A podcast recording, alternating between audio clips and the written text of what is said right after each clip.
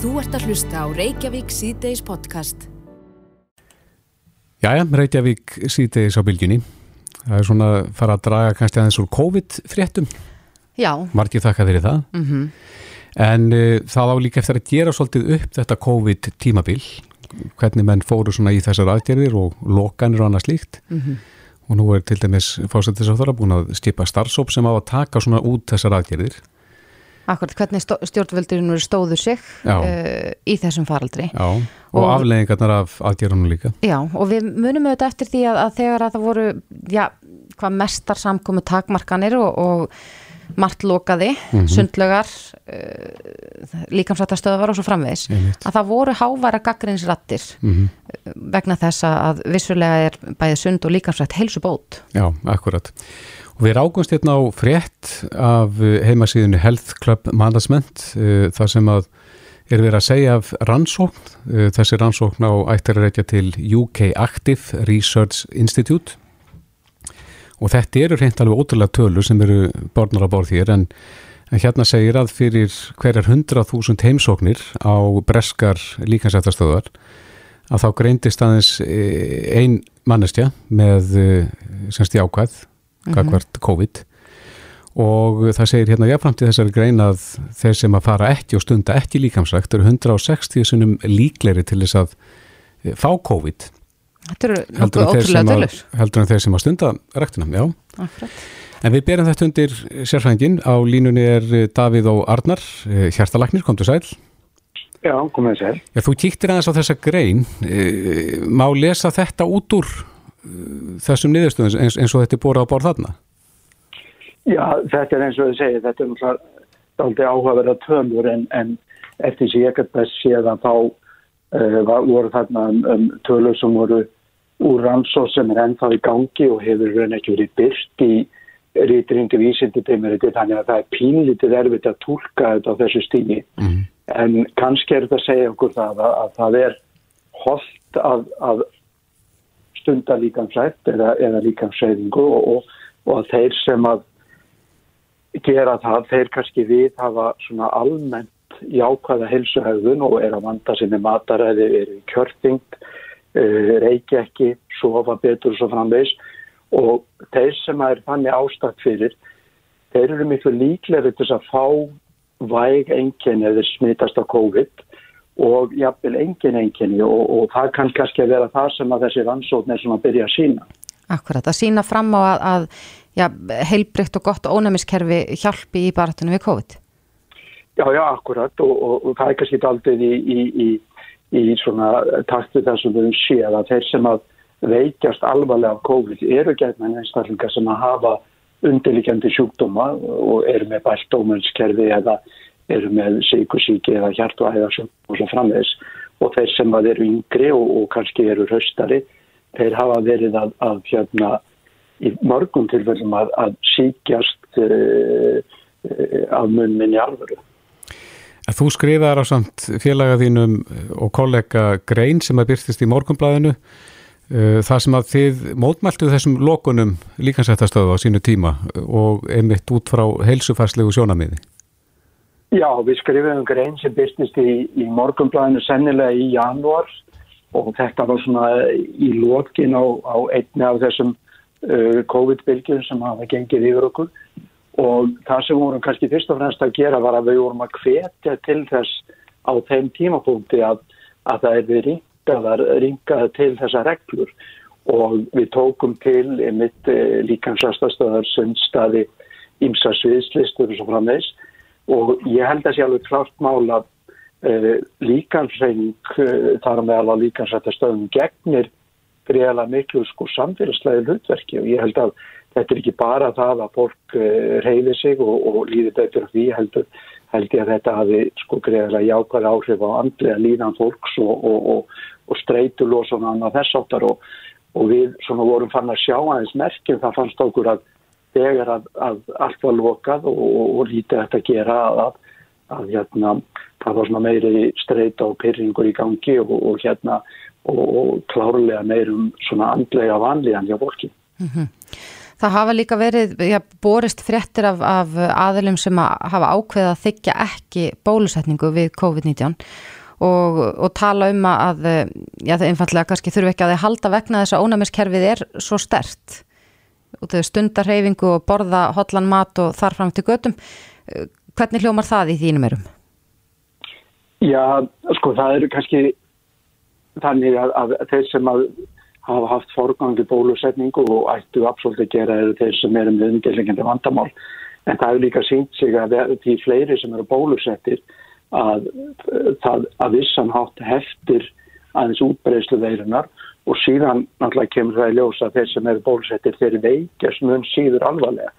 Þannig að ég held að sko okkar sjónamið í þessu, okkar helbæri starfsmanna er að við hvetjum sem flest að, að láta bólusetja sig. Þannig að að það er klár ávinningur að því og vissulega er pínlítil á þetta, það hafa byrst eh, fregnir af einhverjum aukaverkunum en þegar það er skoðað heildrænt að þá er ávinningurna bólusetningum mun meiri heldur en heldur en ókostinni sitt í fylgja. Mm. En svona þegar að ef við horfum fram í tíman og ef það kemur upp svipað ástand og uh, var núna síðustu tvö ár uh, viltu sjá menn uh, haga þessum lokunum öðruvísi? Daldið erfitt að segja til það þegar þetta er hvernig með hvaða hætti nýbylgja kemur fram en ég held að eh, sko það hafi sínt sig að, að eh, með skinsanum og sóttvögnum og, og, og með svona áformum um, um, um að, að eh, þeir einstaklingar sem mæta í annarkorti líkansætti annars það er síðu skráðir þá er hægt að halda betur um þetta.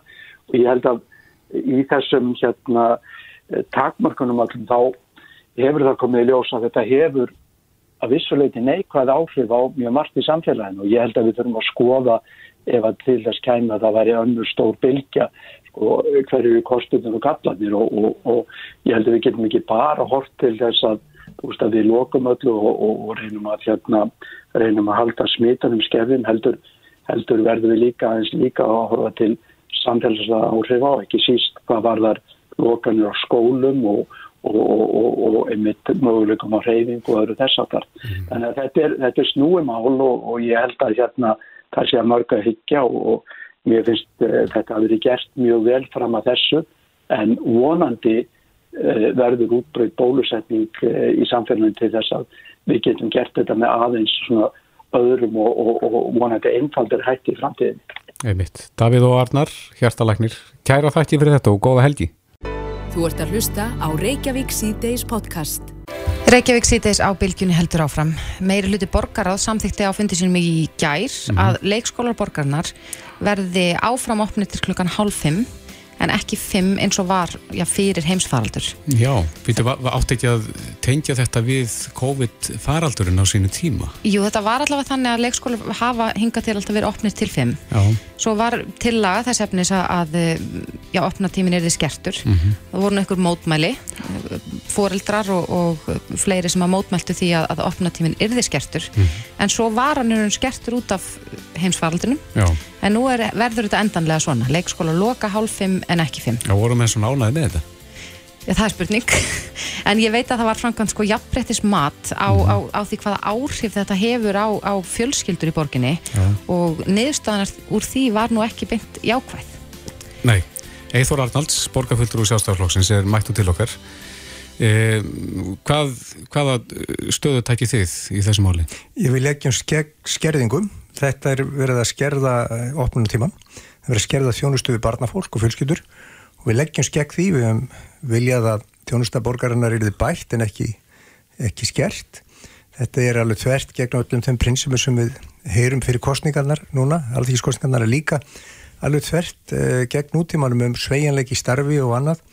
Eh, því að ef opnartímin er skertur þá, þá bindur það fólk á vinnumarkaði, fólk er á vinnumarkaði til að skuttlast oft langa leið eftir pataninu sinu og það er nú ekki á skuttlið á bænandi þannig að við lögum skegn. Mm -hmm. En ég myndist aðeins á þetta jafnbreyttis mat hérna á þann og, og, og ég held að það sé nú komið ár síðan að það var framkvæmt og niðurstaðan úr því var ljós. Hverja voru helstu niðurstöðnar þar? Já, niðurstaðan var uh, svo að, að þetta veri neikvægt, sérstaklega fyrir, fyrir konur uh, og myndi bytna frekar á þeim. Það er líka alveg ljóst að þetta bytnar á ákveðinu starfstéttum sem að hafi ekki hendi sér að fara fyrr heim úr vinnunni, þurfa að vera í vinnunni.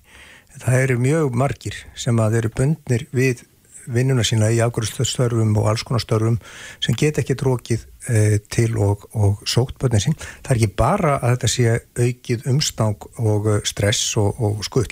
Heldur hefur þetta beinleins áhrif á stöðufólks á vinnumarkaði. Mm -hmm. Það er að segja að þetta veikir hana. Já og hefur áhrif á fólk að veljendum uppruna sem hefur kannski ekki baklandi og netið. Alveg horrið rétt. Ömmur og afa til að Já. passa og, og skullast eftir. Já. Þannig að þetta, þetta gengur gegn allir prinsipum, þannig að, að allt talum að þetta sé vinsalað gerðið að eitthvað sem fólk vilji, það sé algjörlur lausu lofti gripið. Hvaða stýringar gefa með násu? Er þetta sparnaðar ráð? Já, við hefum heilt það og uh, sumir hef ekki viljað gangast við því en sjálfsögðu er þarna verið að, að spara. Ég held að menn hafi gefist upp á að manna leikskóluna eins og þeir ætluð sér. Uh, það var mjög miklu lofað fyrir síðustu kostningar. Tólmónað börn kæmust uh, í leikskóla og fengi pláss Eh, það er, hefur ekki gengið eftir þannig að það eru mörg hundru börn á bygglista og gripið til svona skyndi aðgerða eins og að kaupa notað húsnæði og reyna að gera það upp í flíti og svo framvegs en svo kemur þetta til viðbótar mm -hmm. Skúli Helgason formadur skóla og frístundar ráð sagði við Ríkisútarpi í gæra að já, með stittri opna tíma sé verið að standa um vörðum gæði leikskólastarfsins um, skiptir það öllu með þessum, þessari 30 mínutna skerðingu? Mér finnst þetta voðalega létt í hendi að, að segja það. Þá mætti alveg ganga bara lengra og hafa bara opið í þrjá tíma og hafa alveg gríðalega hágæði í þessi þrjá, kluk, þrjá klukkutíma. Það, er bara svo að það er verið að gera eitthvað sem ekki var bóðað fyrir kostningar. Það var enginn sem að lofaði því að skerða opnunum tíma leikskólana. Það er yngar til verið talið uh, eh, jafnbreytismál að hafa leikskólana til staðar og uh, þannig verið að skerða þjónustu við búana. Ekkert annað og uh, þegar það verið að segja þessu auka gæðin, ég þið getur þá alveg sagt til á bylginu, við ætlum bara að senda út einu eitt klukkutíma á dag, uh, þá voru þetta í auknum gæðum. Fólk vil hafa útvarpið opið fólk vil geta komið sleða sinnar og vil geta komið með börnin sín á leikskóla og sóttu þegar að vinnu líkur. Mm -hmm.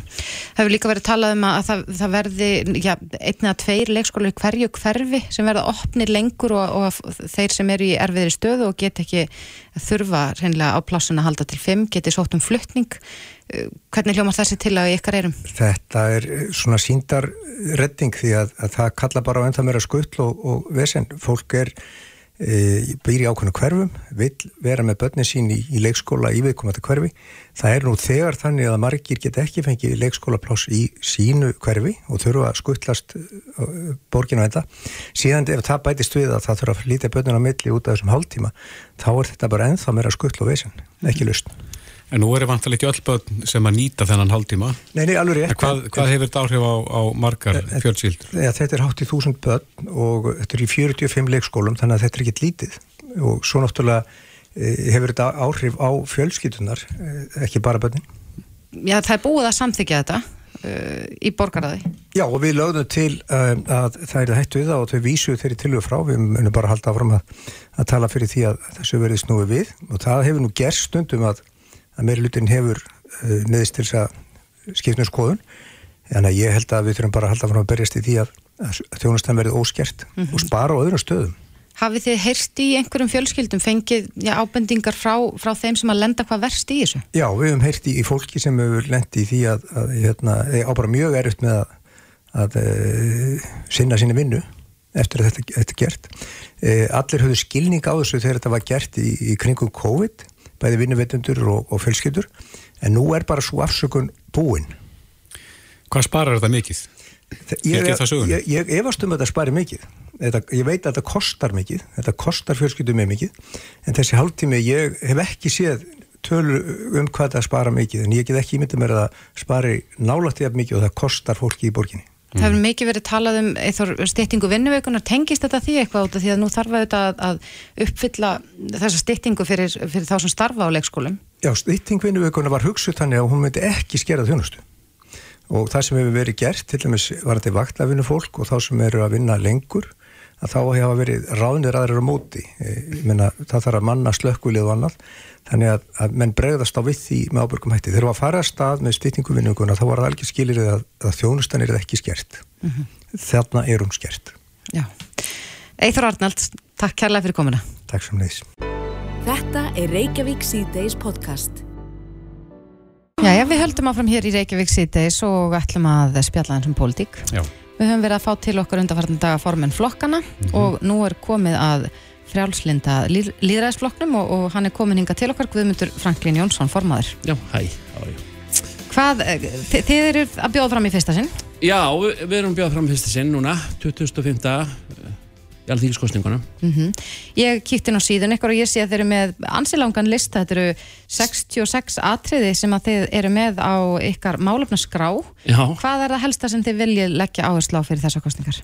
við, við leggjum mikla áherslu á, það, það eru nokkur atriði, þó aðalega e, skattalakanir og eh, þar er, ber hæst e, sem sagt að hækka personafsláttin úr 50.000 réttur um 50.000 krónum í 100.000 krónur sem þýðir þá að skattleysismörkin verða 300.000 sem kemur sér mjög vel fyrir eldriborgara og, og öryrkja og aðra láleina hópa og síðan erum við með, sagt, erum við með stó, mikla stefnu í sjáratsmálum og þar viljum við meðal annars hérna, frjálsar handfæraveðar og við viljum fullt verð fyrir kvótan og við viljum að menn geti selt beint frá báti sagt, úr, við hafnir landsins, það er hrikalegt að, að vera út á landi og geti ekki fengið sér fisk á grillið eða í svoðið Þú segir fullt verð fyrir kvotan að fiskur fær þá markað. Fiskur, allir fiskur á marka, já uh, og allavega mestur hlutið, hlutans, sko, aflans. Sumt náttúrulega verður að það er kannski erfiðara með strandveðar og annað sko, að þannig að ég myndi segja svona kannski 30% af, af, af öllum afla myndi byrja þar með að setja hann á, á markað og séðan reyna bara að finna verð sem allir sætta sig við. Miklu herra heldur en verði í dag vegna þess að það er verið að gefa þessa hlunind það er verið að gefa þessi hlunundi 100 miljardar á ári. Og þetta er að valda vissu sko, skekkju í þjóðfélaginu þessi stórfyrirtæki þau eru hafa verið að endur, fjármagn, endur fjárfesta þessar peningar sem við fá út úr þessu kerfi í stórfyrirtækjum. Og þessi skísla, fals skísla sem að Kristján Þóru var að koma út núna með sem er komið í ljósa er bara kattaþottur að það er sagt að, að, hérna, að eignir stórútgerðanar séu 177 miljardar þetta er miklu meira þetta er, mar, þetta er sko kostnæðarverð sem er hérna í þessari skíslu það er ekki sagt hver er eigundur hver er, hver er eiga þetta í rauninni raunverulegur eigundur og það er ekkert minnst á erlendu eignir sjáurðsins sem er um 1000 miljardar og þetta er búið að taka út úr kerfinu undan þannig 10 ár. Og þetta viljum við ná allt öllu tilbaka Hvernig og að þetta? menn verði að fara eftir sko, þiskveðilagjöðinni Hvernig þá ætli er ég að tala um kvóta þakkið Hvernig ætla að ná þessu tilbaka? Já, bara með því að, að fara eftir lögum. Hér, er, hér fara menn ekki eftir fiskviðsvöldunulögunum og til dæmis er samari með, með sko, kvótaþækið er, er, er 12% af, af, yfir, allar, yfir allan afla, semst heildarafla, en þeir eru með 17,5% í gegnum alls konar dótturfyrirtæki. Þetta viljum við náttúrulega bara taka þessi 5,5% staðum og, hérna, og þeir verður bara að afhenda það eða selja eða, eða, eða, já. Og það var fínt að láta vestfyrringa hafa það, til dæmis. Nú hefur mikið verið talað um heilbreyðismálinn í tengslu við þessar kostningar. Já. Hvað leggir þið áherslu á Já, það? við leggjum áherslu á náttúrulega heilsan er nummer eitt og við töljum að ríkistöndin hafi gert alveg hrikaleg mistök að hafa opnað landi hérna og, og við vorum græn og erum núna rauð og þetta var bara græðki sem stjórnaði þessu Þið hefðu viljað sjá landamærin lokuð lengur. Já, við höfum bara viljað láta skimurina og 100% bara a- aðgátt á landamærunum og ekki, ekki hleypa þessu öllu inn hérna í gegn og við, við gáttum gert það áður, við hefðum getið gert það en, en það var slakað á. Og við viljum að, sagt, að, að ná þessu landinu grænu og halda það grænu vegna þess að, að við verðum að láta krakkana geta verið í skólanum og fólki verið í vinnunni á þess að áhengjur að smitast af einhverju veiru. Og það kemur eflust einhver annað afbreyði skilur fyrir en varir. Og hérna núna er þetta delta afbreyði þá það er ekki, sko, það ávist að toppa eftir einhverja tvær, tvær vikur eitthvað slið, sko. Þannig að bara vonandi förum við vel út úr þessu þannig að líka standa þessu vel að, að hérna, að skema og, og, og, og og reynsa þess að veru út og við þurfum bara að halda landinu hreinum meðan þetta vandamál er að fara yfir heiminn, um heiminn því að við stjórnum yngur hérna í Íslandi skilur. við verðum bara að passa okkur og okkar, okkar þjóð Mhm. Þannig að þið myndu vilja harðari takmarkanir á meðana að eh, já, algjörlega þetta gengur yfir. Já, algjörlega og þú vegna þess að 90% af hagkerfinu, þú veist, turismin er mjög mikilvægur, absolutt, absolutt, en e, allt hitt er miklu mikilvægara. 90% af hagkerfinu verður að fá að fungera í friði fyrir hérna græðginni, sko. Þannig að það er bara er okkar st- st- stefn og stað í þessu. Akkurat. Einhver, eitthvað fleira sem þeir eru með svona efst á baugi? Já, það er nú margt, við, við, erum sko st- stærstu málin okkar, eða stærstu mál samtíman sem við eigum eftir óútkljáð Íslendingar.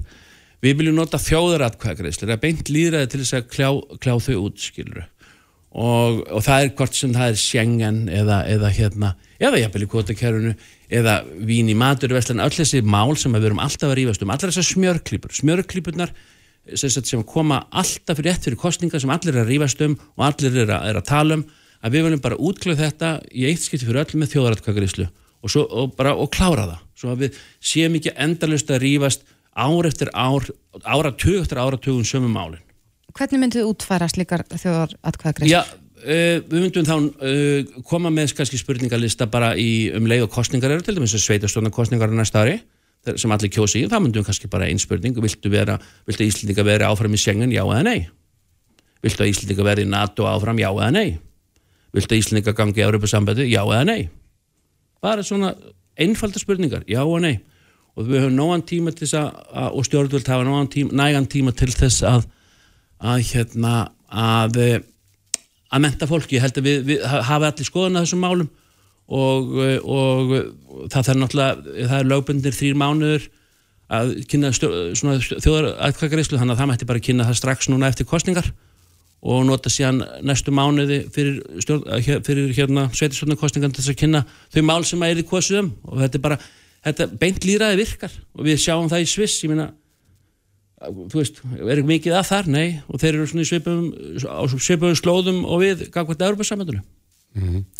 Eru fleiri mál sem að þið svona viljið setja í ottin? Já, það er náttúrulega lofslagsmálinn mm -hmm. og við erum náttúrulega með, erum með mest brilljant lausn af öllum flokkum í lofslagsmálunum Nú no. Já, störf án staðsetningar og það er málið það að við sagt, staðið fyrir að skatleggja okkur út úr vandanum eins og þau eru að tala um, stjórnvöld og staðin fyrir að leggja á 20 miljardar næstu árin og næstu, næstu kjöldumbil þá viljum við að ríki fari í farabróti og, og eh, koma með prógramið okkar störf án staðsettingar og það ennfallega fælst í því að öll störf hjá ríkinu væru, væru sagt, á, á netinu, sem þess að við erum búin að fara núna ekki ánum COVID, að það voru allir fundir á fjárfundabúnaði, þannig að þú getur rauninu unnið starfið þitt hvaðan sem er og stunda þitt nám hvaðan sem er. En það er ekki allir ríkistæðsum sem geta það? Nei, nei, akkurat, en þeir sem að geta fara þar, þar framfyrir skjöldu og bankastæðsmann annað, sem er auðvitað verða að vera í vinnin eins og, eins og læknar og hjúkunarkonur og svoleiðis, en til dæmis þessu dýralæknar þeir þurfi ekki endilega að fara á, á bæin og skoða, þeir geta skoðað ekki um myndavel og annað, skilur. Þannig að við getum það að gera alveg óbúslega mikið og þjóðfélagið, ekki gleyma því að það gekk hérna lokað út af veirunni í eitt og hálft ár án þess að við yrðum uh, þreifanlega var við einhver, einhver vandamál, ekki satt?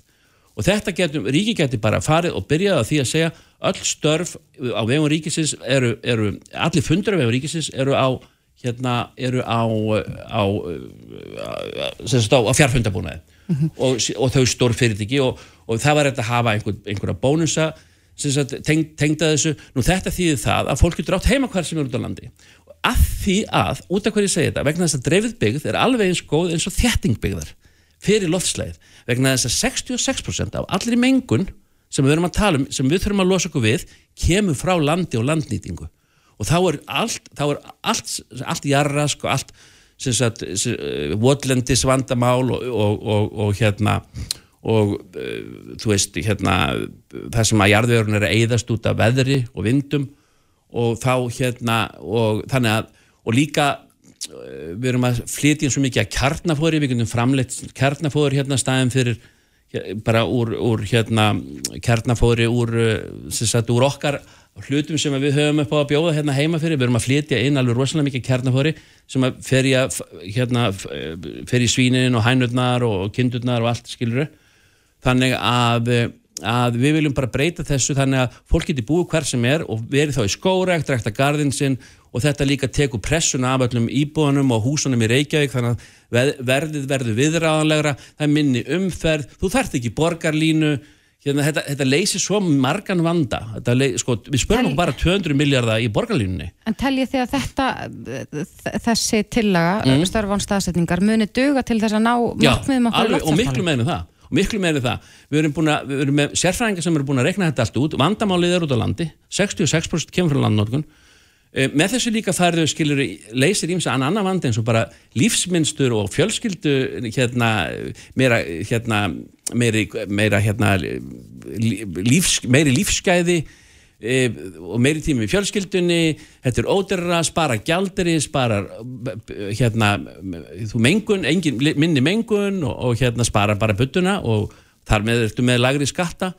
Þetta er alveg stór sniðut og hérna og, og vegna þess að við vitum það bara, við höfum, við höfum reynsluna núna úr þessu veiru ástandi og fólk getur alveg gert eh, sum störf bara úr hverakerði eða af þósöfn og langanissi eða skilur, þú þarft ekki að hafa allt niður í miðbæri Reykjavík. Rétt hans í lógin? Já. Er þetta bjart sín? Já, ég er með bjart sín, mm -hmm. engin spurning. Við náum, skal ég segja ykkur, alveg millir 5 og 10%, alveg, ég get garantera það. Það segja okkar eigin kannanir sem við erum að gera, en við fáum ekki að vera með innum kannunum nema hjá ykkur skilur Hvar gerir þið ykkar eigin kannanir? Við erum, eh, gerum bara kannanir við ringjum í fólk bara, ja. þú veist, ringjum í 100 manns eða 200 eða hvernig sem það er ja. og við erum bara að finna sagt, og, og svo hefur við náttúrulega verið úti að tala við hérna, kjósundur í allt sumar við byrjuðum að sapna meðmælendum í júni Og hvernig gengur það? Þau verður hæður löngu búið þannig að núna erum við bara að fara að skilja næstu ykkur Í öllum kjörtæmi Öllum kjörtæmi, mm. já já Guðmundur Franklín Jónsson, formaður frálsnenda líðræðisflokksins. Kæra þætti fyrir komin. Takk. Reykjavík síðdeis á Bilginni podcast. Við höldum áfram hér í Reykjavík síðdeis og uh, já, það er nú ekkert langt síðan að við tókum upp stafræn aukurskýrstinni. Já, mikil búbót. Svo sannlega. Erst þú oft með aukurskýrstinni eitt svona uppi við? Aldrei. Lengur? Aldrei. Ég er bara með þetta í símanum. Já. Það er eiginlega allt komið í síman. Já, nánast. En hvað þú gleymið síman þá? Þá er maður í sleimu máli. Þá er þetta vondum máli. En nú er verið að benda á alvarlega galla í stafrænum augurskiptunum. Þetta var mhm. öryggisfyrirtæki, eða upplýsingatækni fyrirtæki Sindi sem að byrti vikunni úttækt á öryggi stafrænum augurskiptuna.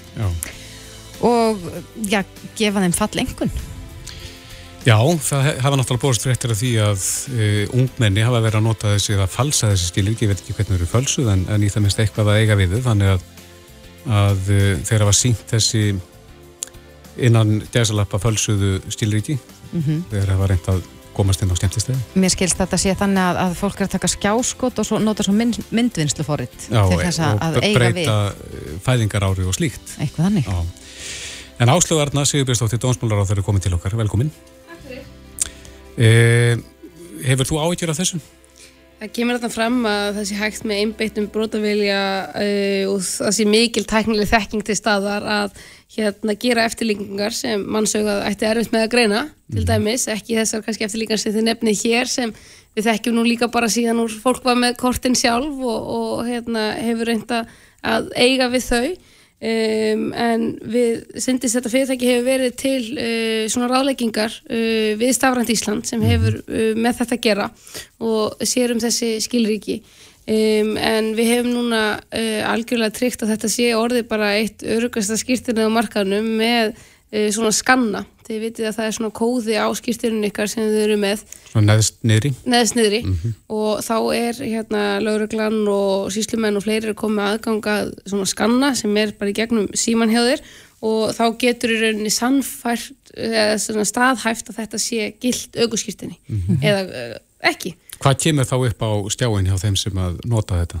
Þá koma bara upp þau réttindi sem eru til staðar mm -hmm. og hérna og þarna hefur lauruglan getað nota þetta til að sanna að þetta séu gilt aukuskýrtinni til að kanna auku réttindi sem og aðri núna hérna komni með þetta en markmið eru þetta síðan að þetta sé eitthvað tól sem fólk getur haft til þess ef fólk vil sína þessi rafræðanskýrtinni og þá er þetta orðið eitt að örugasta skilriki sem bara er til af því að önnur skilríkju þetta sem er á plasti eða pappir eða hvernig sem þau eru eru þetta ekki með neinu svona. Mm. er, er þá verið að vinna í svona appi eða slíku fyrir almenning? Að fyrir dýraverði og það er rauninu markmið að við getum kannad þessi réttindi, hvort sem það er livsalinn í apotekinu eða hérna dyrravörðurinn eins og þú segir eða einhvers þegar þú þarfst að sína á þau deili mm -hmm. en auðvitað er það þannig að aldrei fyrir hefur verið til einhver tækni sem staðfesta með vissu gildi skýrtina mm -hmm. Hvar, hvernig skýrtinni sem það er hvort sé pappa, pappi skýrtinni eða þetta auku skýrtinni mm -hmm. Það var fjallað um það að vísi í dag utan kjörfunda atkvæðagreysla hófst 13. ágúst en, en þessi tækni til að sannreina skýrsturinn var ekki fyrir hendi fyrir bara núni í byrjun vikunar. Er hægt á því að það hafi já, orðið kostningarsvindlatna á þessum dögum áður en þetta var tekið í gildi og er það eitthvað til skoðunar? Ég hef ekki ástæði til að óttast að það var sér stað nei og við hefum ekki fengið neina vísbendingar um það. E, það er búið að breyða sig þessum áhugjum með ráðstöfunum til að tryggja þetta en þá frekar og það er auðvitað þannig að þú þarft bara að sanna á þér deili. E, hvernig sem þú gerir það og kýrst að gera það. Og það er mikilvæg réttur fólks að neyta kostningaréttasins og því leggja þeir sem sjáum framkvæmdin á þessum kostningum uh, bara eins og vennja er. Umfram að gera grein fyrir því hver, hver sé með sem bestum hætti mm -hmm. og auðveldistum hætti. Og í flestum tilvíkum er það skilir ekki með mynd. Það hefur gegnum tíðina við notað debetkort sem er með lítilli mynd og kennitölu.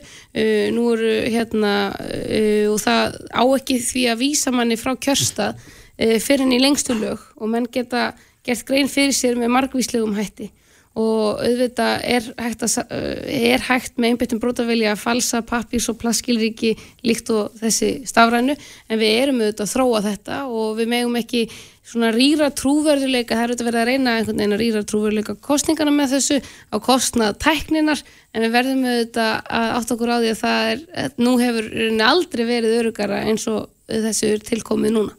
Þú segir að lagreglæn er að nota þessa tækni núna eitthvað, verður, verður þessi tekni notuð á kjörstuðum?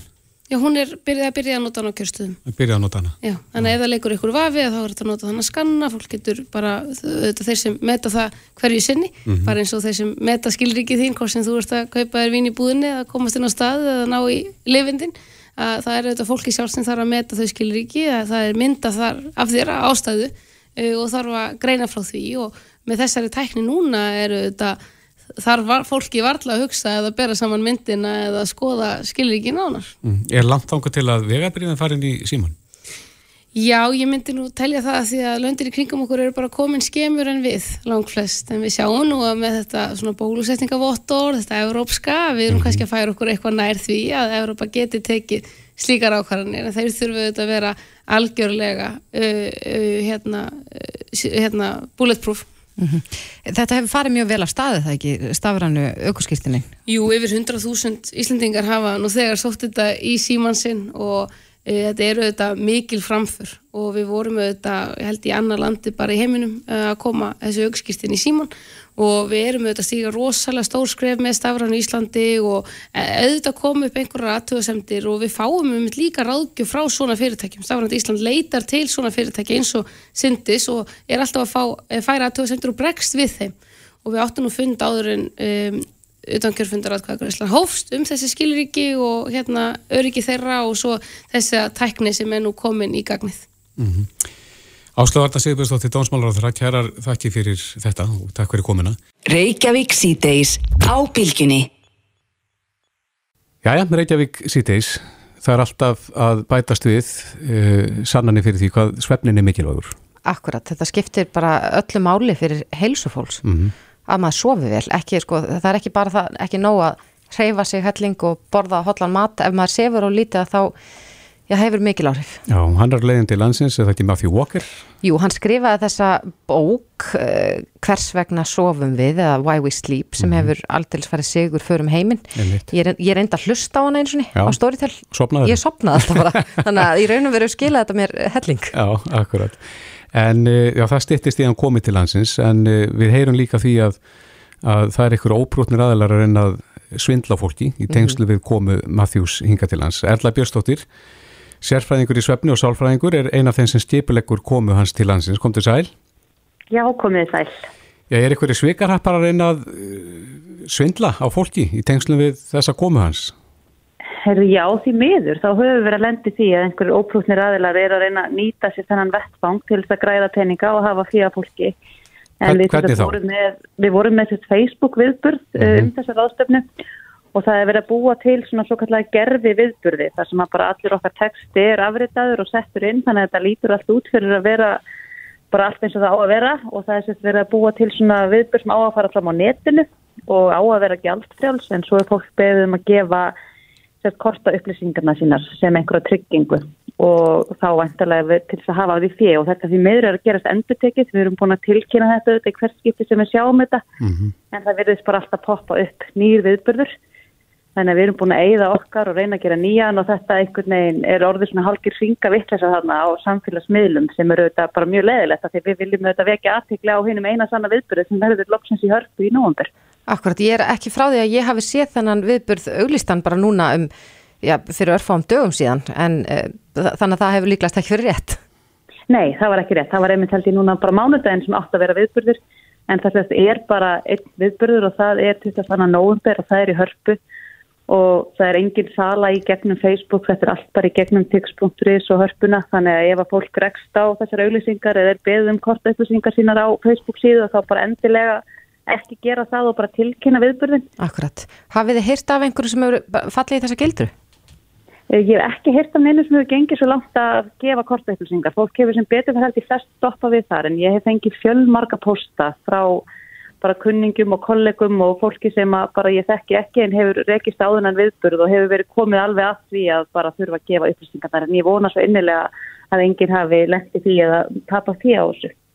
Er það margir sem býða spenntir eftir komans? Er, er búið að selja marga miða?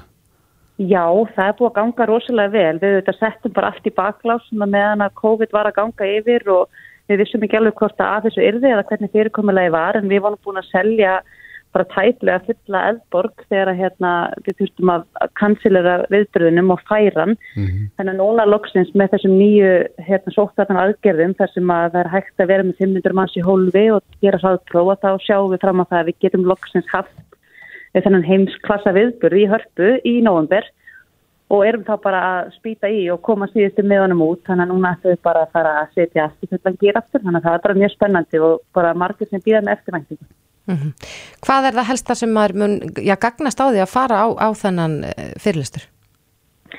Þetta verður svona þryggja tímar ástefna þar sem fari verður yfir flest allt sem skiptir máli þegar það kemur að svefni. Hann munur þetta svona stikla á stóri bara varðandi það sem hann skrifar um í sinni bók sem þetta hefur vakið mjög miklu aðtíkli og orðið til þess að það hefur orðið svona vitunda vakning bara um mikilvægi sveps og hann er snillingur í því að koma með svona setja hlutina fram á einfaldan og grípandi og áhugaverðan hátt þannig að hann virðist bara ná til fólks á öllum aldri sem eru þetta mjög skemmtilegt og þannig að hann munið þetta halda hann aðaleirindi en svo verður við líka með frábara innlenda fyrirlesara og við munum ræða þess um bara hvernig svefnin er á Íslandi, hvernig sofa Íslandingar og hvaða áskoranir eru hér og hvað þurfum við að hérna, huga sérstaklega að og hvað getum við gert betur.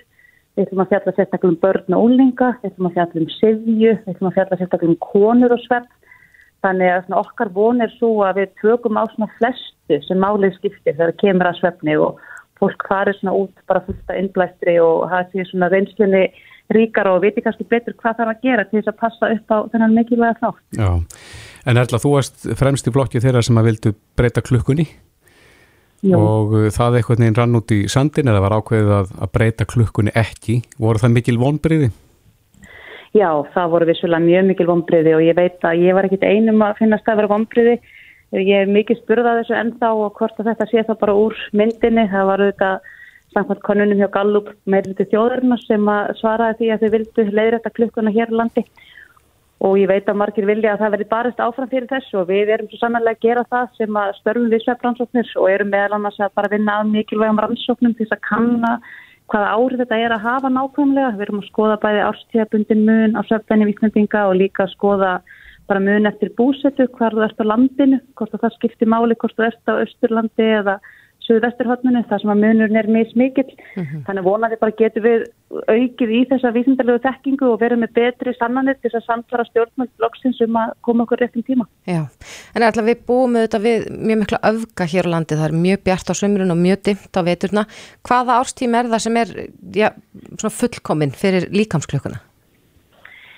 Já, það er kannski svona það svo tími sem við erum að sykla inn í núna, það sem að fer bara að vera dimt á kvöldin og við vöknum í morgundyrstu. Mm -hmm. Það er það sem við viljum. Við viljum að það sé dimt á kvöldin til þess að við getum farið að framlega melantónin sem er þetta svepphormón sem við framlegum í myrkri og gerur okkur sifjuð. En svo aftur á móti þá viljum við líka vakna í byrstu til þess einmitt að teppa þetta sama hormón og fá orkuna og komast út í daginn. Þannig að kannski erum við bara við ágetið skilðið bara akkurat núna. Þannig að það er voru og haust sem er svona rétti tímin. Já, í raun og veru. ekki þessar auðgar sem við sjáum með há sumar og svo í mesta skamdeginu. Einmitt. En rétt aðeins í lokin er alltaf, það er margir sem er að reyna að koma lífið sinni núna í fasta skorður og einhverja rútínu og svömmir þurfa að breyta svefnvennjum sínum eftir kannski að hafa sett þær úr skorðum í sumar. Mm -hmm. Hvernig, hver er besta leiðin til þess að gera það? Ég bestur þetta alltaf bara að reyna að fara í rúmi á sama tíma og vakna á sama tíma á mótnana, passa sig á helgunum, það eru þetta freistandi að vaka fram eftir og soa fram eftir mótni en það er mjög fljókt að hafa neikvæða áhrif, skekkja líkamsklukkuna. Já, að hafa sömur útínu alla vikuna. Já, vera með sömur útínu, þetta er kannski alltilega að leifa sér ykkur klukkutíma lengri söfnum helgar en það er gott að skipulegja bara eitthvað til að gera á mótnana en helgar, fara í sundi eða gungutúri eða kíkja á kaffihús eða vera með góða morgumatur í fjölskyldina þannig að sé sem einhver jákvæðir hvati til þess að fara á fætur.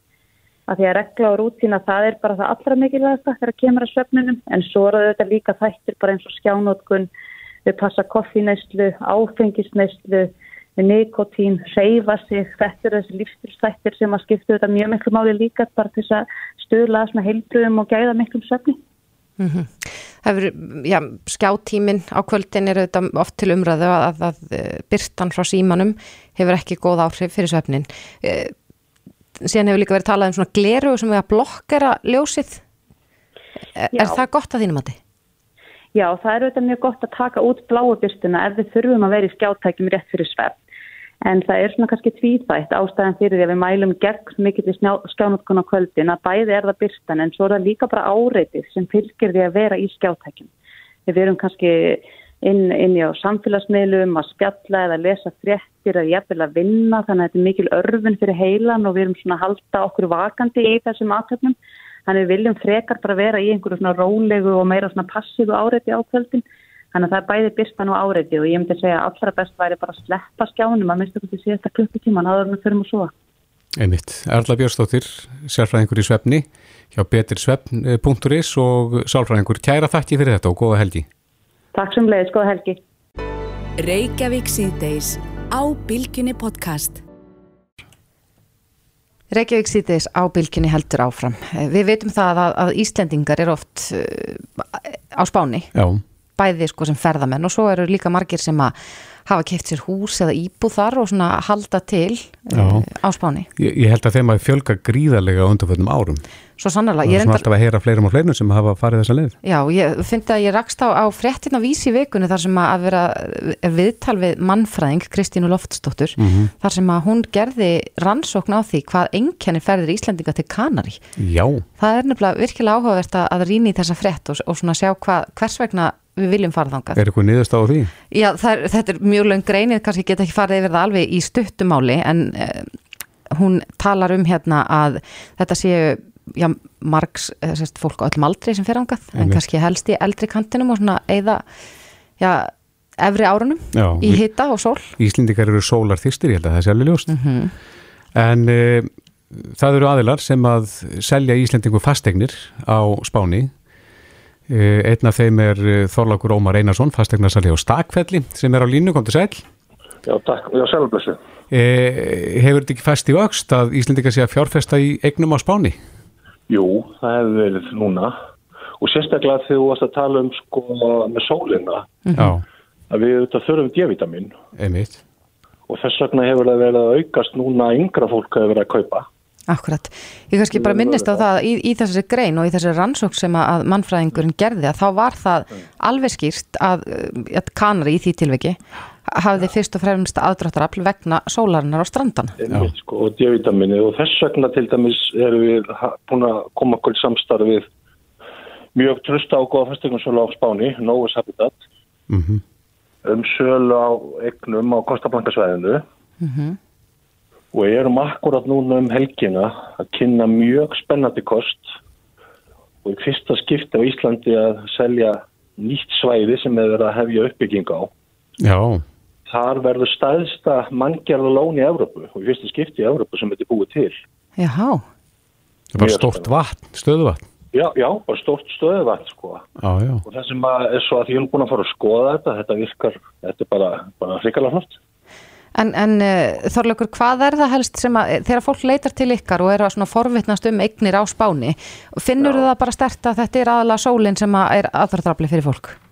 ég sólin og mannlífið og frelsi það fyrir alltaf að vera júlpu Akkurat. Og bara, og í rauninni þetta mannlíf sem er þarna sem er svo frábært.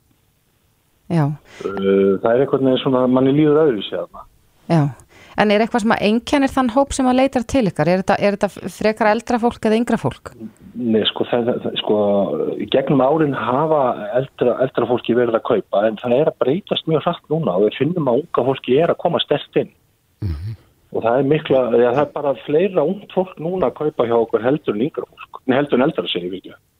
Já Já, hérna, já, það, það er, það er sætti þróunin. Já, en hér á landinu bara eh, alltaf fréttir af því að fastegna verð hækkar og, og svona Já, já. og það- ekki, ekki öllum kleift að kaupa sér húsnæði hér en, en hvernig er verðlagið á spáni? Það er, það er góð kaup fastegnum á spáni.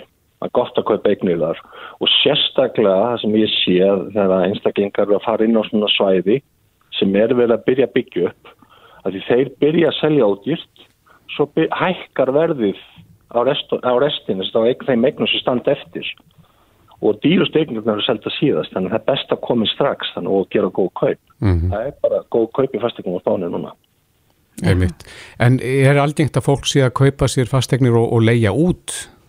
Já, það er mitt akkurat það sem maður langar til að segja ykkur frá er að, hérna, þessi sala uh, Nóis Habitat á Spáni sem við erum í samstarfi við hún sérst fylgir fólk alla leið. Hún er með svona eftirsölu þjónustu þannig að fólk er alveg með hvað maður sé að belta og axlabönd í sambandi við það sem maður gerist eftir á. Það er ekkit óvænt sem kemur vegna þess að við sjáum um það. Já, en getur fólk sem sagt keift fastegnir þarna og, og er síðan eitthvað félag sem sér um að leia þessa Já, fastegn já, út? Já, já, svo sjáum við um útleguna En eru margir sem að eru margir sem að hreinlega flytja til spánar og búa þar allan á sem ring? Já, það er að fjölga. Það er að fjölga þannig. Akkurat, þannig að færri kannski sem að fara bara yfir vetratíman Já, það er alveg ótrúlegt. Það er bara má nefna til þess bara heilsugjastluna. Hún er frábær. og ekkert Mjög vandamál fyrir spítali Íslendinga að fá þá þjónustu Nei, alls ekki sko. Já, já. Móti. Hvað, segðu okkur aðeins, hvað kostar svona fastegn á Spáni? Það er, já, það er svona hægt að kaupa bara mjög góða íbúð eins og það á þessu nýja svæði sem er rétt söður torfjaka. Svona kringu 30 miljónur. Bara að kaupa nýja íbúð. Er það með öllu þá eða? Já, Já, ein- eh, ekki með sko innrætingum, ekki með segja sko húsbúna. nei, svona fullbúið. Já, fullbúin íbúð. Já, já og þið ætlið að, að kynna þetta um helgina? Já, við erum með opið hús hér á Stakvell í Borgatúni 30 Mm á morgun og sunnudag, millir 12 og 4 og bara bjóðum alla hjertalega velkomna. Já, með myndir og tekníkar. starfsmaður Frá, já, já, hér er starfsmæður frá Spáni til Mhm. upplýsingar fyrir fólk, bæði með lánamál, möguleika og, og fleira. Er fólk að taka lán í, er fólk að taka lán á Spáni eða, eða tekur fólk lán hér fyrir þessum kaupum? Fólk að taka lán á Spáni. Já, Það er mjög einfalt fyrir einstakling að taka lán á Spáni. einmitt. Þorlákur Ómar Einarsson, fasteinarsali á Stakvelli. Það verður fróðlegt að sjá hvort að margir kíkji við okkur um helgina og, og skoða þetta. Takk kærlega Kæra þættir, bless bless. Já, bless, bless. Já, þá erum við komin að leðarlokum hér í Reykjavík síðdeis Heldur betur, erum að sigla inn í helgina. Eh, Þórdís Valsdóttir, Bragi Guðmesson og Kristófur Helgason þakka fyrir sig. Verðum hér aftur á ferðinni á mánudag klukkan fjögur. Góða helgi Hlustaðu hvena sem er á Reykjavík síðdeis podcast.